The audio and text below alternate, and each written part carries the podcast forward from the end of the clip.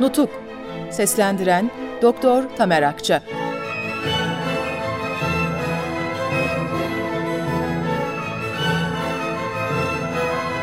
10. Bölüm Ali Galip Bey Sivas'ta Ali Kemal Bey'in ancak Amasya'dayken haberim olduğunu arz ettiğim genelgesi memurların ve halkın kafasını gerçekten de bulandırmış.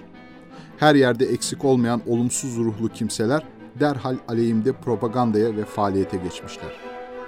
Bu yoldaki baltalayıcı gösteri ve hareketlerin en önemlisi Sivas'ta hazırlanmaya başlamış. İzin verirseniz bunu kısaca anlatayım. Dahiliye Nazırı Ali Kemal Bey'in bu genelgeyle verdiği emrin tarihi olan 23 Haziran günü Sivas'ta Ali Galip Bey adında biri 10 kadar adamıyla hazır bulunuyormuş. Bu kimse İstanbul'dan Elazığ valisi olarak gönderilmiş olan Kurmay Albay Ali Galip'tir. Sözde o ilin ikinci dereceden memurları olmak üzere bir takım insanları da İstanbul'dan seçmiş, birlikte götürüyor. Ali Galip yolu üzerinde bulunan Sivas'ta kalmış. Özel bir görevi olduğuna şüphe etmemek gereken Ali Galip orada derhal kuvvetli taraftarlar bulmuş. Görevini hakkıyla yerine getirebilmek için tertip ve tedbirler almaya başlamış. Dahiliye nezaretinin aleyhimdeki emri gelir gelmez faaliyet başlamış. Sivas sokaklarında benim hain, asi, zararlı bir adam olduğuma dair duvarlara suçlayıcı ifadeler yapıştırılmış. Kendisi de bir gün Sivas'ta vali bulunan Reşit Paşa merhumun yanına giderek dahiliye nezaretinin emrinden bahsettikten sonra Sivas'a gittiğim takdirde hakkımda uygulayacağı işlemi sormuş. Reşit Paşa ne yapabileceğini sormuş. Ali Galip, ben senin yerinde olsam derhal kollarını bağlar ve tutuklarım. Senin de böyle yapman gerekir demiş. Reşit Paşa bu işin bu kadar basit olacağına inanmamış. Konuşma hayli uzamış. Konuşmaya katılanlar çoğalmış. Öyle ki bir kısım halk verilecek kararı anlamak üzere toplanmış. Bugün Haziran'ın 27. günüdür. Bakışlarımızı yeniden bu noktaya dönmek üzere bir an için bu tablodan ayıralım ve Amasya'ya çevirelim. Ayın 25. günü Sivas'ta aleyhimde bazı yakışıksız olaylar çıkmaya başladığını haber aldım. 25-26 Haziran gecesi yaverim Cevat Abbas Bey'i çağırdım ve yarın sabah karanlıkta Amasya'dan güneye hareket edeceğiz dedim. Bu gidişin gizli tutularak hazırlık yapılması için emir verdim. Bir yandan da 5. Tümen Komutanı ve kurmay heyetimle gizli olarak şu tedbiri kararlaştırdık.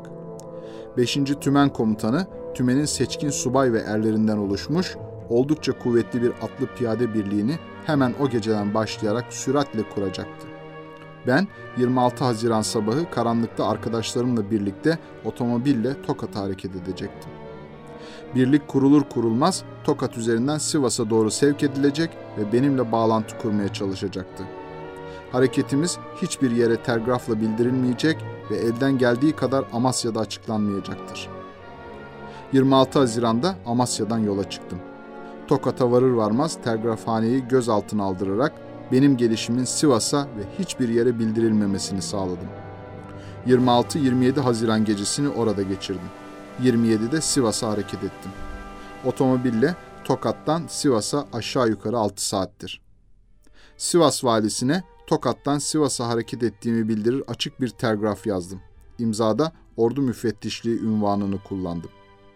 Telgrafta bile bile çıkış saatimi kaydetmiştim. Fakat bu telgrafın yola çıkışımdan 6 saat sonra çekilmesini ve o zamana kadar Sivas'a hiçbir şekilde bilgi verilmemesini sağlayacak tedbirleri aldırdım. Şimdi efendiler, bakışlarımızı yeniden Sivas'a, bıraktığımız tabloya çevirelim. Ali Galip Bey ile Reşit Paşa arasında bana karşı uygulanacak işlemin tartışılması sahnesinde. Tartışmanın kızıştığı bir sırada Reşit Paşa'nın eline benim Tokat'tan çekilen telgrafımı verirler. Reşit Paşa hemen Ali Galip Bey'e uzatır. İşte kendisi geliyor, buyurun tutuklayın der. Reşit Paşa telgrafta yazılı olan hareket saatini görünce hemen kendi saatini çıkarır, bakar. Efendim, geliyor değil, gelmiş olacaktır diye ilave eder. Bunun üzerine Ali Galip, ben tutuklarım dedimse benim il sınırlarım içinde olursa tutuklarım demek istedim deyince toplantı halinde bulunanları bir heyecan kaplar. Hep birden hadi öyleyse karşılamaya gidelim diyerek toplantıya son verirler. Ancak şehrin ileri gelenleri halk ve askerle parlak bir karşılama töreni hazırlayabilmek için biraz zaman kazanmak gerektiğini, fakat hesapça benim Sivas şehri kapılarına kadar yaklaşmış olacağımı dikkate alarak beni şehrin girişine yakın olan Ziraat Numune çiftliğinde bir süre dinlendirmenin yolunu aramışlar. Vali Paşa, karargahımın sağlık başkanı olup daha önce teşkilat kurmak üzere Sivas'a göndermiş olduğum Tali Bey'i çağırtarak bu işin yerine getirilmesini ondan rica etmiş ve gerekli hazırlıkları yapar yapmaz kendisinin de bize katılacağını söylemiş. Gerçekten de tam Numune çiftliği yakınlarında karşımıza çıkan bir otomobilin içinden Tali Bey görüldü. Otomobillerden indik, çiftliğin avlusunda oturduk. Tali Bey, hikaye ettiğim durumu ayrıntılı olarak açıkladıktan sonra görevinin beni burada biraz oyalamak olduğunu söyleyince hemen ayağa kalktım. Çabuk otomobillere ve Sivas'a dedim. Bunun sebebini anlatayım. O anda hatırıma gelen şuydu.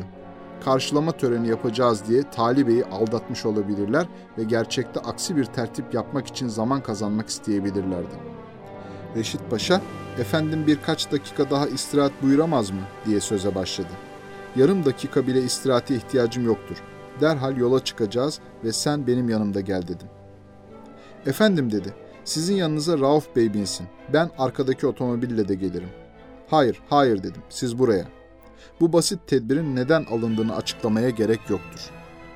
Sivas şehrine girerken caddenin iki tarafı büyük bir kalabalıkla dolmuş, askeri birlikler tören düzenini almış bulunuyordu. Otomobillerden indik.